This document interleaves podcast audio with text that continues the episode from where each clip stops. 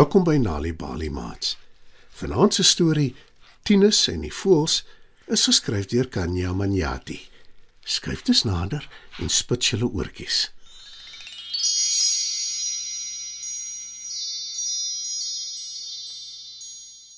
Tinus is 'n seun wat meestal op sy eie is. Hy het nie eintlik maats nie. Sy gunsteling speletjie is om klippe op die oppervlak van die rivier naby sy huis te gooi en dan te kyk hoe dit 'n rimpel-effek op die water maak. Dis vir hom baie mooi en daarom doen hy dit gereeld. Maar na 'n ruk raak hy verveeld daarmee. Dis nie meer vir my lekker nie. Ek moet aan iets anders dink om te doen. dink hy. En toe op 'n dag in sy agtertuin hoor hy vir die eerste keer 'n voël wat 'n vreemde kwee geluid maak. Hy kyk in die groot boom in die tuin en hy sien 'n grys voël met 'n kuif. Tinus kyk 'n oomblik na die voël en toe kry hy 'n idee. Hy voel in sy broeksak en daar is nog 'n gladde klip, die soort wat hy gewoonlik op die rivier gooi. En toe wonder hy, Sal ek die voël kan raak gooi met die klip? Tinus dink 'n oomblik na en toe besluit hy dat hy ten minste moet probeer. Hy haal die klip versigtig uit sy sak en mik in die rigting van die gruisvoël. Toe gooi hy die klip. Dit trek deur die lug, maar dit tref nie die voël nie.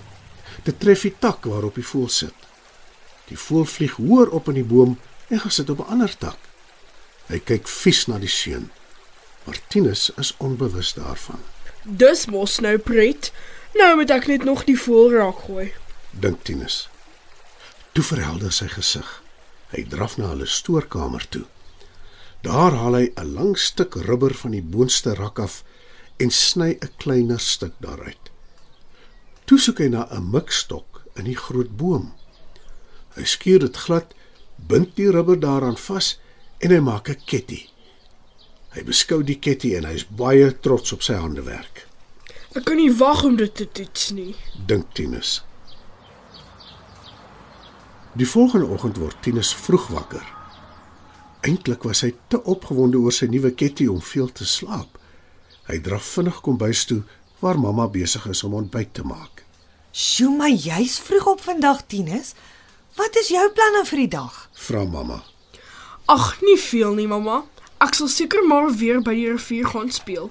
Jok Tinus. Tinus kan nie vir sy mamma die waarheid vertel nie. Hy weet sy sal kwaad word as sy uitvind dat hy van plan is om 'n dier seer te maak. Maar dit lyk asof mamma hom glo. Tinus eet vinnig sy pap klaar en toe draf hy uit met sy nuwe ketty veilig in sy sak. By die rivier aangekom, gaan lê hy op sy maag in die skaduwee en wag vir die voëls om aan die groot boom langs die rivieroewer te gaan sit. Sommer gou kom daar twee kraaie aangevlieg en hulle land op 'n tak waar Tinus hulle goed kan sien. Tinus mik met sy ketty en hy tref albei die voëls met een klip. Die volgende dag besluit hy om iets anders te probeer.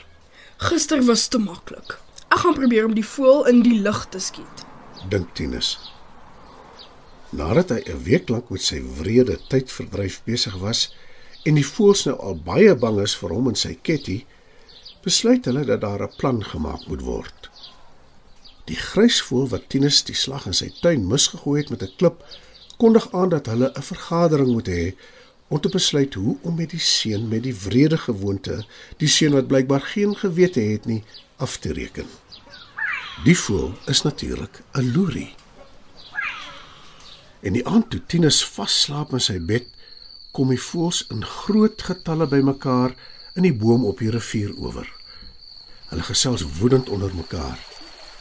Na ruk lig Loerie sy vlerk en dui aan dat hulle asseblief moet stil bly aangesien hy iets op die hart het. Voels. Kondig hy aan. Ons het die afgelope ruk baie swaar gekry. Die nare wrede seun het op ons vriende toegeslaan.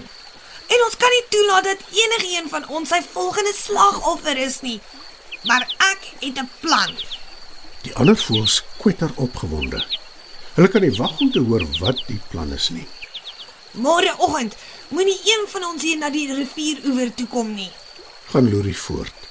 En dadelik begin die voëls te rede kabel. Maar wat gaan ons eet? Dis waar ons ons kos kry. Kla Laksman, Ons huise is hier en die takke wat oor die rivier hang. sê Vink. Maar Loerie paai. Julle hoef net een dag weg te bly. Een enkele dag. Ek onderneem om die probleem aan te spreek. Maar vir my plan om te werk, moet julle na my luister. verduidelik Loerie. Die ander voëls vertrou hom en stem dus in om die volgende dag weg te bly van die rivieroewer af.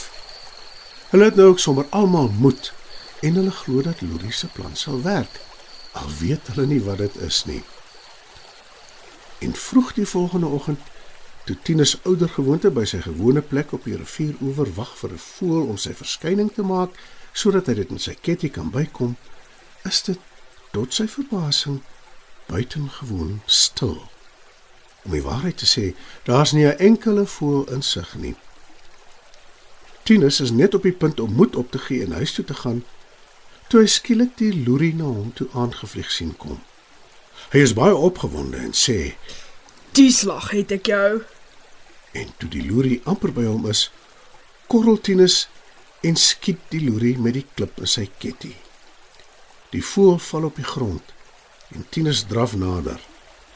Maar toe hy by die loerie aankom, sien hy tot sy verbasing dat die voël springlewendig is. Die loerie staan op van die grond af en hy kyk stip na Tinus, En nou gaan ek jou 'n les leer. sê hy.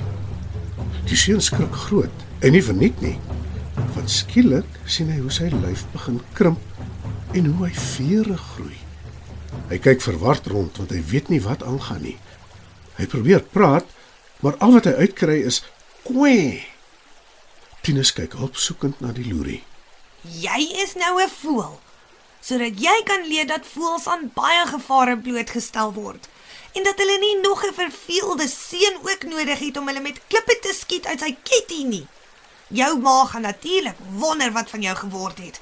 En ja, ek voel jammer vir haar. Maar dis beter dat jy eerder jou les leer en jou wrede gewoontes verander as wat jou arme ma uitvind wat jy aangevang het. En met die woorde vlieg die loerie weg. Tinus is verslae. Hy wonder hoe die voël dit reg gekry het. Hy voel baie baie sleg oor al die voëls wat hy met klippe uit sy ketting geskiet het. Tinus, Hoor hy skielik sy mamma roep. Hy probeer antwoord, maar weer kom daar net 'n kwee geluid oor sy lippe. Verlang soek sy mamma na hom, maar hy kan haar nie antwoord nie.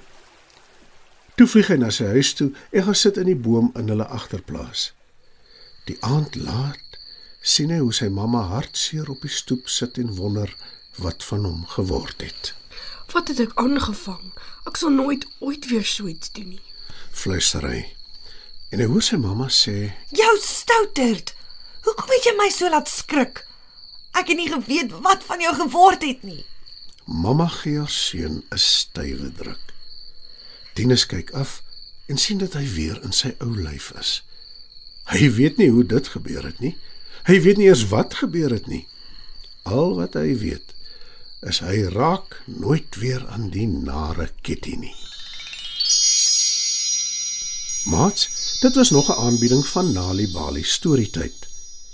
Die titel van vanaand se storie was Tinus en die voëls en dis geskryf deur Kanya Manyati. Het jy geweet dat om tuis vir kinders stories voor te lees en te vertel, hulle kan help om beter te doen op skool?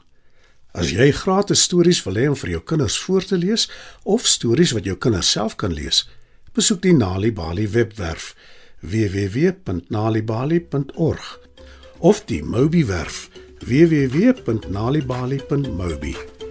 Daar sal jy stories kry in 11 amptelike tale, asook wenke hoe om stories vir kinders voor te lees en met hulle te deel sodat hulle hulle volle potensiaal kan bereik. Hou ook koerante dop vir die tweetalige Nali Bali lees vir genot bylaag waar daar wonderlike kinderstories en aktiwiteite is. Nali Bali. Dit begin met 'n storie.